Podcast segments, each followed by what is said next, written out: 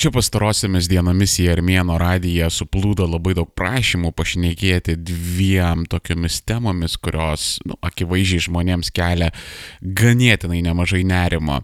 Dvi didelės svarbios temos - tai yra Kasem Soleimani mirtis Irake, tai yra to garsaus Irano generolo, kurį susprogdino Junktinių Amerikos valstijų pajėgos ir dabar Kinijoje plintantis koronavirusas. Ne? Tai dabar pabandykim pailiui pašnekėti. E, visų pirma, Soleimanė. Ne?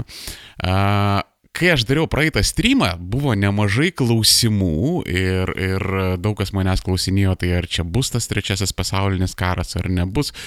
Tuo metu aš sakiau, nu, Vilniai žino, dar yra per anksti šnekėti.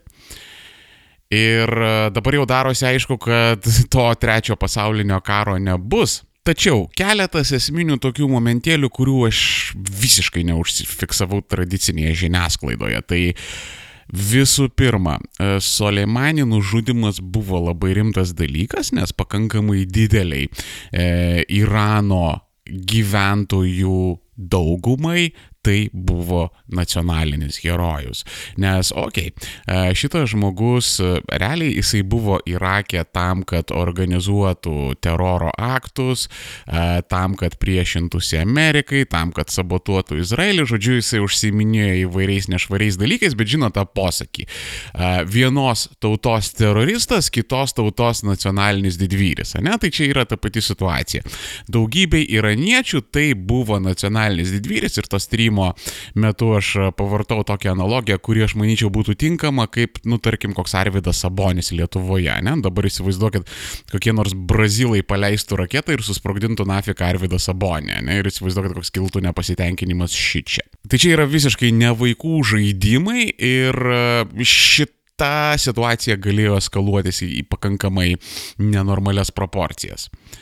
Tačiau situacija kol kas nesikeičia. Nežiūrint į tai, kad e, Iraną palaiko Rusija, Iraną palaiko Kinija ir daugybė kitų nefainų pasaulio valstybių, nežiūrint į tai, uh, labai abejotina, kad jos norėtų mirti ir jos norėtų kariauti trečiąjį pasaulinį karą dėl Irano. Čia yra kaip ir pirma vieta. Antra vieta - Iranas nėra monolitas. Taip, e, daugybė žmonių Soleimani buvo nacionalinis e, herojus, didvyris, bet e, lygiai taip pat daugybė žmonių, daugybė iraniečių tai buvo skirdikas, teroristas, siaubūnas, blogietis ir ačiū Dievui, kad jį užvertė. Ir dabar Irane vyksta tokie įdomus dalykai. Aš pats esu iš Kaukazo, kaip žinia. Ir žinokit, e, žmonės iš Armenijos, žmonės iš Gruzijos, žmonės iš Osetijos, nu apskritai žmonės iš Kaukazo traukia tūsintis į Teheraną, nes Teherane vyksta geriausi reivai su geriausia muzika, visiškas undergroundas, labai kokybiški narkotikai ir visi yra baisiai patenkinti tenais nuvažiavę. Ta prasme, taip Iranas yra teokratinė valstybė, taip moteris išėjus į viešumą be hijabo turės labai, labai rimtų problemų, ta prasme, čia mes šnekam, nu, baudžiakas už kaseką problemų. Tai e, jo, tai yra teokratija, tai yra tamsi atsilikus vos ne viduramžiška valdymo forma ten pagal šariatą ir panašiai, bet tuo pat metu tai yra super super jauna valstybė, tuo pat metu Iranas yra labai sparčiai besiurbanizuojanti valstybė.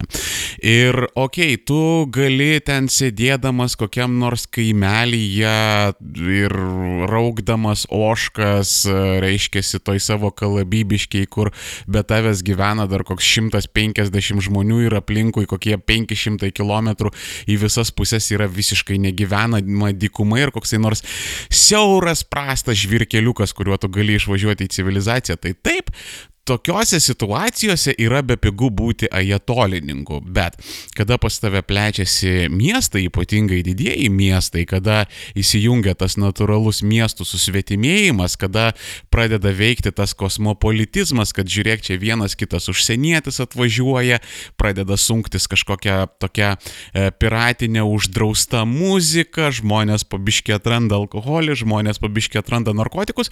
Ir vad būtent tie undergroundiniai reivai, būtent tie undergroundiniai iranietiško juodmetalio koncertai, gangsterepo koncertai, tai yra ta kontrkultūra, panašiai kaip kažkada Lietuvoje buvo, sakysim, tie rockeriai, roko maršai.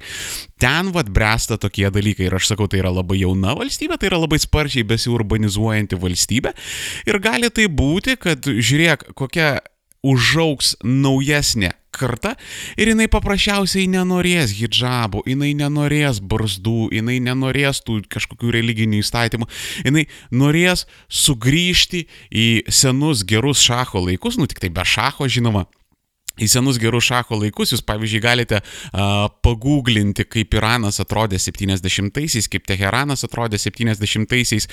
Tai uh, buvo visiškai moderni, visiškai pasaulietiška valstybė su naujom mašinom, su šikarnai apsirengusiais žmonėm, ten su madom ir visa kita. Ta prasme, tai buvo šik ir cool ir, žodžiu, jūs mane supratot. Tai uh, ten bręsta jau dabar neramumai po Solemanį mirties tas jaunimas, kai jisai išsigando, kad ajatolos buvo pasirengę eiti iki trečiojo pasaulinio karo, šiaip jie nebuvo pasirengę eiti, čia labiau tokia bravada buvo, kaip daugelis analitikų šneka. Tačiau tas jaunimas išsigando ir prasidėjo daugia tūkstantiniai protestai ir lygtais tie protestai rimsta, bet jau ten bręsta dalykai. Ir visai gali būti, kad netolimoje ateityje mes galim pamatyti kažką panašaus į arabų pavasarį Irane. Porą tokių off-topikų. Atsimenate, aš jums pasakojau apie esminį pokytį JAV politikoje ir apie neokonus. Tai va, neokonai daugiau mažiau išeina iš mainstreaminės Amerikos politikos, bet nu, vis dar tas jų, sakysim, gaivalas, tas po jų paliktas kvapas, jis vis dar tebe yra baltuose rūmuose ir tos politikos taip paprastai neatsikratysi, nes, nu, tarkim, ah, vakarai yra įdomus tuo, kad, nu, Ta prasme, ten kai kurie dalykai kartom tęsiasi, ne? nes pavyzdžiui, um, tam tikri uh, tarptautinių santykių politikos dalykai vykdomi dabartinės Amerikos, tai tam tikri dalykai yra atsiradę vos ne nuo pirmojo pasaulinio karo pabaigos ir vad daugiau negu šimtą metų jie duoda atgarsį. Tai žodžiu, e, kai kas ten gali užsibūti ilgais dešimtmečiais ir turint omenyje, kad e, dabartinio JAV prezidento administracijoje yra labai mažai neokonų, dar nereiškia, kad jie visiškai išėjo. Tai žodžiu, tas gaivalas yra pasilikęs ir neokonai visada nekentė Irano. Ta prasme, jie žostkai nekentė Irano, Iranas buvo jiems visada gyvas priekaištas ir jie visada norėjo susitvarkyti su Iranu. Tai Soleimani nužudimas galėjo būti sėtinas būtent su tuo. Tai yra paskutiniai, ar ten vieni iš paskutiniųjų neokonizmo atodusiai ten pasispardymai prieš mirtį, ne, vat, vat, vat, nu, nors kažką tam Iranui padaryti. Ir way, po rugsėjo 11 tie patys neokonai, jie labai labai ilgai ir įtemptai svarstė ir diskutavo, ar jiems pulti Iraką ar Iraną. Ir grinai tik tai Iraną išgelbėjo tai, kad pas juos buvo daug glaudesnis alijansas su Rusija, daug glaudesnis alijansas su Kinija, su kuriuo tuo metu JAV kaip ir palaikė gana draugiškus santykius. Tai kaip ir todėl buvo uh, užsijimta Iraku ir ta pagrindinė idėja buvo tokia, kad uh, nuverčiamas Sadamas, uh, išvaloma Bat partija visiškai, ne, ir uh, beje, batistai ar batistai, aš nežinau, kaip, kaip lietuviškai uh, juos pavadinti, angliškai tai yra Bath. Uh, šitas judėjimas yra labai įdomus tuom, kad jisai yra toks, tipo, islamistinis, nacionalistinis socializmas. Jį labai yra sunku apibūdinti. Karočią. Tai, tai yra judėjimas arabų pasaulyje, kuris buvo įsitvirtinęs labai smarkiai Irake, bet, žodžiu, a, jį išstumti a, į Iraką importuoti vakarietišką liberalėje demokratiją, ten, sakysim, per dešimtmetį kitą iš Irako padaryti normalią vakarietišką valstybę, nu, sakysim, tokį uh, antrą Izraelį, tik tai didesnį ir su gerokai daugiau naftos ir bežydų. Ir tada Iraką naudoti kaip tą tokią pagrindinę platformą eksportuoti demokratiją į, į visą tą arabų pasaulį, į Šiaurės Afriką, į viduriniuosius rytus, galbūt net ir toliau, ne? Tai žodžiu, pagrindinis planas buvo toksai, dabar mes žinom, kad visiškai tas neišdegė, kad situacija dar labiau pablogėjo ir pablogėjo labai dramatiškai, tai yra buvo destabilizuotas ir pats Irakas, buvo destabilizuota Sirija, buvo destabilizuota Libija, šitas domino procesas greičiausiai geruoju ir greitų metu nepasibaigs ir ten bus visokiausių nelaimių, nemalonumų ir panašių dalykų. Al-Qaida, kuri buvo grėsmė, bet tai buvo nu, pakankamai tokia mažutė lokacija, lokali grėsmė tarsi buvo užgesinta ir su jie buvo išsiaiškinta, bet tada atsirado islamo valstybė, kur tai nu, ne, nepalyginamai didesnis ir siaubingesnis buvo darinys negu bet kokia Al-Qaeda. Tai vienu žodžiu, tas jų planas neišdegė, jie visiškai sušiko viduriniuosius rytus ir dabar įsiklausykite patį paradoksą.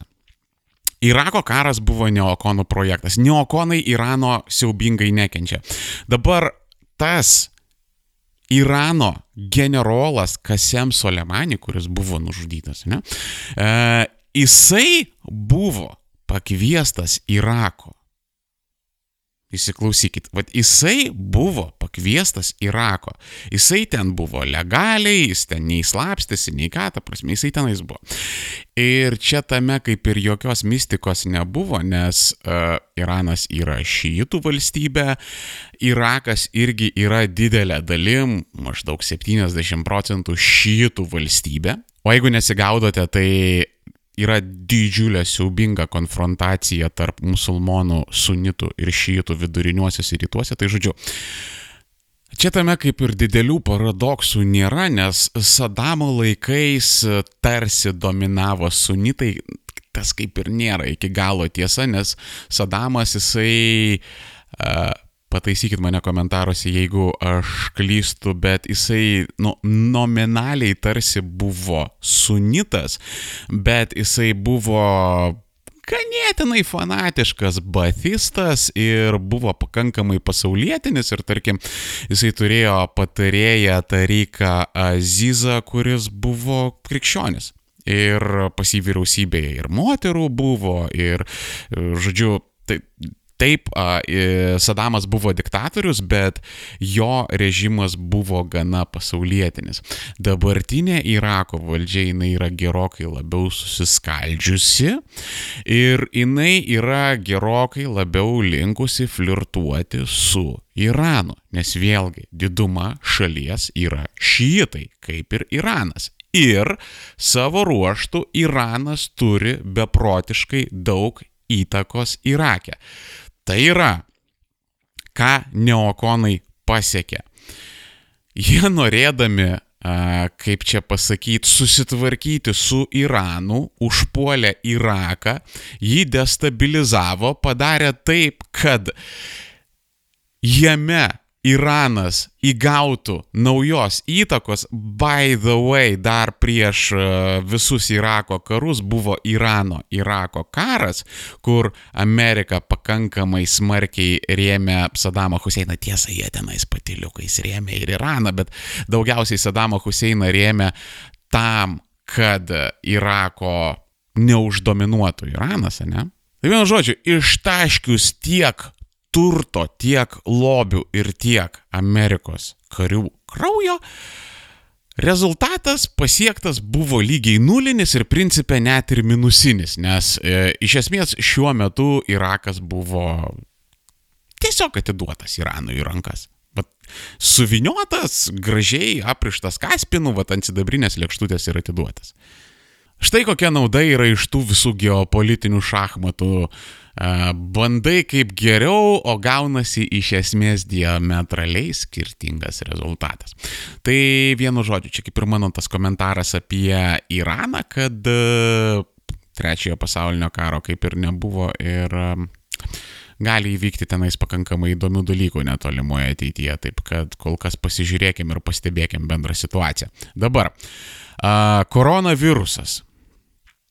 Daug visokios informacijos, štai tenais Kinijoje ten visokie žydiniai ir epicentrai, um, visi gazdinasi, visi šugalinasi. Ir šitoj vietoje yra tokia esminė problema apie tai, kad šita problema beje galioja ir Irano klausimui po Salemanį žudies, kad tu šiais laikais paprasčiausiai nebežinai, kas yra svarbu. Ta prasme, žiniasklaida kiekvieną šūdą, kiekvieną dalyką, absoliučiai, kas įvyksta pasaulyje, išhypina iki beprotybės. Ir dabar tu sėdi, tu bandai susirinkti informaciją apie tą koronavirusą ir bandai suprasti, tai čia man dabar klausykit, jaudintis, nesijaudinti, nes, nu, aš asmeniškai jau esu atbukęs. Čia yra ne pirmas rodeo pas šitą kaubojų. Mes principė kiekvienais metais turim paniką apie kažkokią pandemiją. Čia neseniai buvo apie Zika virusą, čiučiut seniau buvo apie ebolos galimą pandemiją, dar seniau buvo panikos apie SARSą, apie paukščių gripą. Žodžiu, periodiškai vat, atsiranda kažkokia dar, dar gerokai seniau, mes šito dalyko net nesam užfiksavę, nes nu, tiesiog tai vyko prieš a, Sovietų sąjungą, bet kada maždaug 800-ųjų pradžioje viduryje pradėjo lysti pirmieji pranešimai apie žmogaus imunodeficito virusą, ten živ ir AIDS ir panašiai, tai tada buvo irgi baisinė didžiulinė panika, kad ten ta prasme iki 2000 metų kas trečias, kas ketvirtas ar tai kas penktas žmogus bus infekuotas živ, žodžiu, ten. Uh, ir pastoviai eina tie vad gazdinimai ir tu tiesiog nežinai, tai ar dabar čia, nu, tipo tas tikrasis ar ne, ar čia vėl tas dangus griūva. Nu, bet okei, okay, apie šitą truputėlį vėliau. Pats koronavirusas pakankamai pavojingas, pakankamai greitas, pakankamai uh, smarkiai plintantis, uh, išgyventi šansų kol kas yra mažoka, nelabai dar yra vaistų, nelabai dar yra gydimų, nelabai dar yra vakcinos. Ir uh, tai, kad jisai dabar yra kilęs Kinijoje, tai yra ir laimė, ir nelaimė, nes nelaimė yra apie tai, kad, nu, ta prasme, kinai yra melagiai. Čia yra visiems žinomas faktas, ta prasme, kinai meluoja ištisai, jie visur meluoja. Ta prasme, apmulkinti kažką, ypatingai baltą žmogų, jiems yra garbės reikalas ir jie tai daro visiškai nesivaržydami. Todėl ten daugybė ekonomistų susipažinę su uh, Kinijos ekonominiais rodikliais, jie sako, kad mes nežinom, iš kur jie yra traukiami.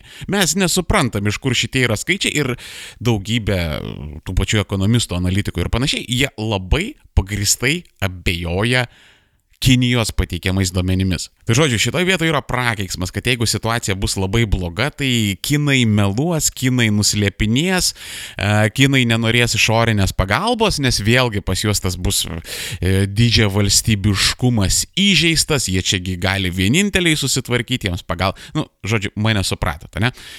Šitoje vietoje yra blogai, bet kas yra laimė, tai kad Kinija, nu, tai, tai yra autoritarinė valstybė, ten palauk nėra.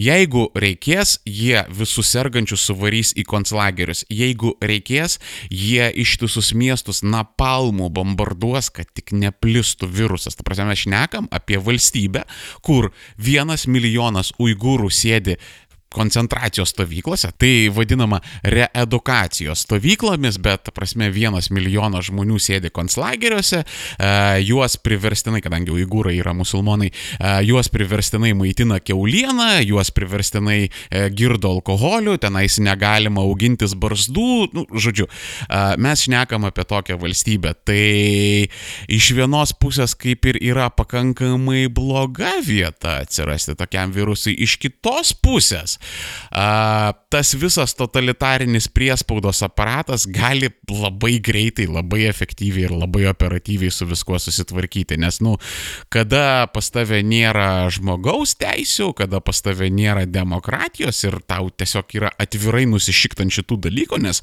Kinijos vadovėliuose, vad kur mokinukus moko, mokinukus moko mokyklose, sviestas sviestuotas, karočią, kur mokinukus moko mokyklose mokytojai, pamokas. Karočią, ten yra tose vadovėliuose rašoma, tiesiog ten šaipomasi iš demokratijos, ten šaipomasi iš žmogaus teisų, kad, na, čia, žinai, čia tipo kažkokia vakarietiška fikcija, čia kažkokie seilionės, labakiški dalykai, o, va, žinai, čia, o, Kinijos modelis, tai čia yra rimta. Tai, žodžiu, kinai gali pakankamai efektyviai su šituo dalyku susitvarkyti, bet grįžtant prie tos mano užkabintos temos, tai yra tas amžinas žiniasklaidos rėkimas, tas amžinas žiniasklaidos panikos kūrimas. Vat, jau yra pasiektas šito dalyko apogėjus, kad paprasčiausiai žmonės universaliai nebepasitikė tradicinė žiniasklaida.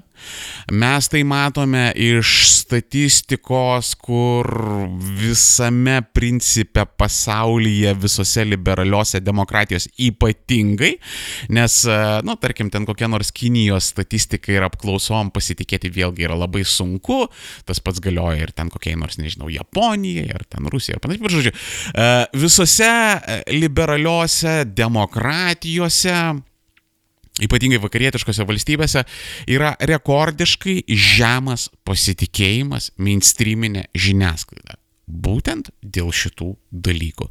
Būtent dėl amžino hypo, būtent dėl amžino Nu, aš taip spėju, ne, nes paprasčiausiai žmonės yra pavargę. Žmonės yra pavargę, kad kiekvienas pirstelėjimas tai yra trečias pasaulinis karas. Žmonės yra pavargę, kad kiekviena kažkokia kažkur atsiradusi lyga, tai čia bus ten baisinė siaubinga pandemija. Ir va čia esminis nusikaltimas yra tas, kad aš šitą epizodą įrašinėjau galbūt dvi ar trys savaitės prieš jo eventualų išėjimą. Visai gali būti, kad iki to laiko, kol šitas epizodas išeis, mes gyvensim globalioje koronaviruso pandemijoje. Ne? Ir, vat, ir, ir esminis nusikaltimas yra apie tai, kad, vat, nu, Aš žinai, kaip Peter Vilkas, kur berniukas rėkė, rėkė, vilkas, vilkas, vilkas, vilkas ir vieną dieną tas vilkas atėjo, jį surijo ir niekas jo nebetėjo gelbėti. Ir ta pati nuostabioji tradicinė medija yra pridariusi labai panašių nusikaltimų, kaip kad tas pats Irako karas. Jų buvo iškusintas, paskaitykit senus uh, Washington Post straipsnius, uh, New York Times straipsnius, aš apie Foxą iš viso tyliu, ta prasme, ten koks džingoizmas tuo metu ėjo, kad ta, ten ta prasme, kad tu visiškai nepatriotas būsi, jeigu uh, nenorėsi Irako karą ir ta, ta prasme prisiminkit tą visą maniją, kur uh, kada prancūzai atsisakė palaikyti amerikonus kare su Iraku ir Afganistanu, ne, palaukit, man atrodo, su Afganistanu. Karočią, kada prancūzai atsisakė amerikonų palaikyti kažkur kažkam, tai amerikonai tada pradėjo matyti masiškai uh, tas bulvitės free vadinamasis pasis French fries pervadinėti į freedom fries. Ta prasme, ir visame tame dalyvavo žiniasklaida, nes uh, žiniasklaida tai yra tokia sfera, tokia terpė, kur, nu, ta prasme, ten tiesiog seilėjasi visi dėl karo, ta prasme, ten visi tiesiog masturbuojasi laukdami kokio nors karo, nes tai yra reitingai. Tu veži tenais korespondentus, tu pasakoji, kad va dabar mes e, atkovojom šitą miestą, čia dabar vyksta tokios kautynės, ten bla bla bla, taip toliau ir panašiai. Ta prasme, Irako karas buvo parduotas su žiniasklaidos pagalba. A, Lietuvoje, beje, žiniasklaida irgi nėra be nuodėmių, nes prisiminkit prieš krizinius laikus, prieš kriziniais laikais pilna buvo žinučių ir pranešimų ten ir laikrašiuose, ir naujienų portaluose, ir televizijose, ir radijose. Visai buvo pilna pranešimų apie tai, kad jeigu tu neperki būto, arba jeigu tu nespekuliuoji akcijomis, tai tu ne bahūras esi. Ta prasme, ką tu darai, vyruti. E, greitai pirk trečią, ketvirtą būtą, nežinau, už kur nori imti paskolą, ta prasme, čia būtų kainos kils, čia bonanza, ta prasme, nu, come on, ką jūs darot, Hebra, jūs pra... Ir ta prasme, va, tos va žinutės, jos prisidėjo prie visuotinės manijos, kada prieš krizę aš tikrai žinau tų variantų ir galbūt jūs net ten iš artimųjų pažįstamų pažįstamų žinote, kur realiai žmonės, nu, nebūdami nei ten milijonieriai ar kažkokie labai pasiturintis, ten būdavo dievė prisipirkę po ten 9, 11, 12, 15 kartais būtų būdavo. Ta prasme, tokia manija buvo. Ir iš šitą ugnį nemažai žibalo pylė ta pati mūsų nuostabioji žiniasklaida. Ir kada jau paaiškėjo, kaip pavyzdžiui, su Irako karu, kad ten buvo feilas, kada paaiškėjo, kad vis dėlto čia buvo didžiulis nekilnojamo turto ir vertybinio popierių burbulas, tai tada kaip ir kaltų neliko. Ir galiausiai žinot, kokia gali būti siaubinga likimo ironija, kalbant apie mūsų nuostabėje žiniasklaidą, ne tik mūsų pasaulinė, sakykime, mainstreaminė žiniasklaida. Likimo ironija gali būti apie tai, kad e, vis dėlto gali atsirasti kažkas, kas sąlygos didžiulį žmonijos išnykimą arba ten kažkokį apnikimą, ne kažkokią katastrofą, asteroidas, ten karas pasaulinis, pandemija, kokia nors ekologinė katastrofa, kas tas, tas, tas katastrofa. Katastrofa ten dar kažkas, žodžiu, gali kažkas kilti, kas labai kaip čia dabar pasakyti, suprastintų žmonijai gyvenimus, ne? Bet aš būčiau linkęs manyti, kad ko gero žiniasklaida tai pražiapsotų. Dabar sakė, kad ko gero šitas dalykas, jau kada jisai kiltų ir ten prasidėtų ir jau būtų per vėlų, tai taip apie jį praneštų. Bet ta, ta, tuo momentu, kada jisai ten atsiranda, auga, ten didėja ir panašiai, jau man atrodo būtų visiška tyla. Ta prasme, visi ten toliau aptarinėtų, ten nežinau, ką ten pasakė, padarė ten Donaldas Trumpas, ar ten Kim Kardashian papus, ar ten Šikna, ar ten dar kažkas. Žodžiu, greičiausiai žiniasklaida to dalyko nepastebėtų, nes aš kaip prisimenu, kai buvo mm, e, su 2016 metų Amerikos prezidento rinkimais, kuriuos laimėjo Donaldas Trumpas, su Brexitu, su populistų įvairiausių iškilimais e, europinėje politikoje, tai čia, ta prasme, ne tik altraitiniai dabartiniai populistai, ten, sakysim, Lenkijos, ten e, Pisas, ten Orbano pričnikai, tas visas Fidešas, ten visokie alternatyv ir Deutschland, tai čia kalba yra ne tik apie tos judėjimus, nes gerokai anksčiau, ta prasme, čia kalba yra eurozonos krizės pradžia, tai čia kažkur taip 28, 29, 20 metai, gerokai anksčiau buvo pakilę radikalios kairės judėjimai, ta prasme, Syriza, ten Podemos ir panašiai. Tai kada radosis visi šitie dalykai, tai jie žiniasklaidoj tarsi atsirado visiškai iš niekur. Nors periferijoje akivaizdžiai matėsi, kad jie bręsta, akivaizdžiai matėsi, kad, nu tai yra trendas, akivaizdžiai matėsi, kad Donaldas Trumpas laimės. Kaip man vienas žmogus sakęs yra, kad prieš Klintonienę būtų laimėjęs ir pagalys įsmeigtas į kibirą su šūdais. Tai, dabar, matėsi, kad Trumpas laimės, matėsi, kokie sentimentai buvo dėl Brexito, kad ir Brexitas pravažiuos, ta prasme, matėsi, kad uh, gali į Europarlamentą tenais ateiti euroskeptikų judėjimai ir panašiai, bet vad mainstreaminiai žiniasklaidai buvo didžiulė staigmena, nes, nu, jie moka hypinti, bet kada iš tiesų reikia ieškoti, žiūrėti, ar yra grėsmės, jie nesugeba, nes kas netelpa į jų tas glušas, ribotas mainstreaminės kaukolės, kas neįsipaišo į tą jų labai siaurutį vaizdelį, nes iš, iš esmės jie intelektualiai yra kaip tie arkliai su tais dalykais, kur ten iš prie, prie akių tas, kas, karočią, juodas plokšteles deda, aš nežinau, kaip jie vadinasi. Parašykit komentaruose, kaip tas šūdas vadinasi, kur, karočią, uždengia uh, arkliams periferinį regėjimą, kad jie nesišugalintų. Tai uh, jie, vad, kaip tie arkliai su tais juodais šūdais, ta prasme, jie ne, ne, neturi visiškai jokios periferijos, jie ten nieko nemato ir visada jiems būna tokie dalykai staigmena. Žiniasklaida yra kaip tie kelininkai, kuriuos žiema iš tiesų užklumpa netikėtai. Tai iš esmės atsakant į jūsų klausimą ir šitie du klausimai - koronavirusas ir situacija su Soleimani, Tai yra realiai vienas vienintelis klausimas, kuris skamba taip. Tai armenai man dabar nerimaut ar ne? Atsakant į šitą klausimą, ir aš nežinau, nes žiniasklaida yra antiek išsigimus, antiek mutavus, kad jinai paprasčiausiai jau nebegali pateikti normaliai informacijos, kad tu galėtum pats susidėlioti kažkokį pasaulio vaizdą. Ir dienos pabaigoje aš galiu pasidalinti kažkokiam išvalgom, bet iš esmės aš kaip ir nieko kažko nepasakysiu, nes jūsų spėjimas yra tiek pat geras, kiek ir mano spėjimas. Ir ties šituo davai ir statykim tašką šiandieną. Tai mano šauniai klausytojai, Jeigu jums patinka tai, kas vyksta Armėno radijoje, tai galite visada nueiti nuorodomis apačioje. Ten bus jums tiesus kelias į Patreoną, ten galite man įmesti dolerį 2, 3, 5 ir kiek jums negaila. O tie, kas mane jau esate paremę, Hebrytė, ačiū Jums už paramą, žemai lenkiuosi, laimės, meilės ir sveikatos Jūsų namams. Ačiū, kad buvote, ačiū, kad klausėte. Davai, iki kito. شبدا و دشتش شبدا و دبدا شبدا و دشتش شبدا و دشتش شبدا و دشتش شبدا و دبدا دشت چه سلالیست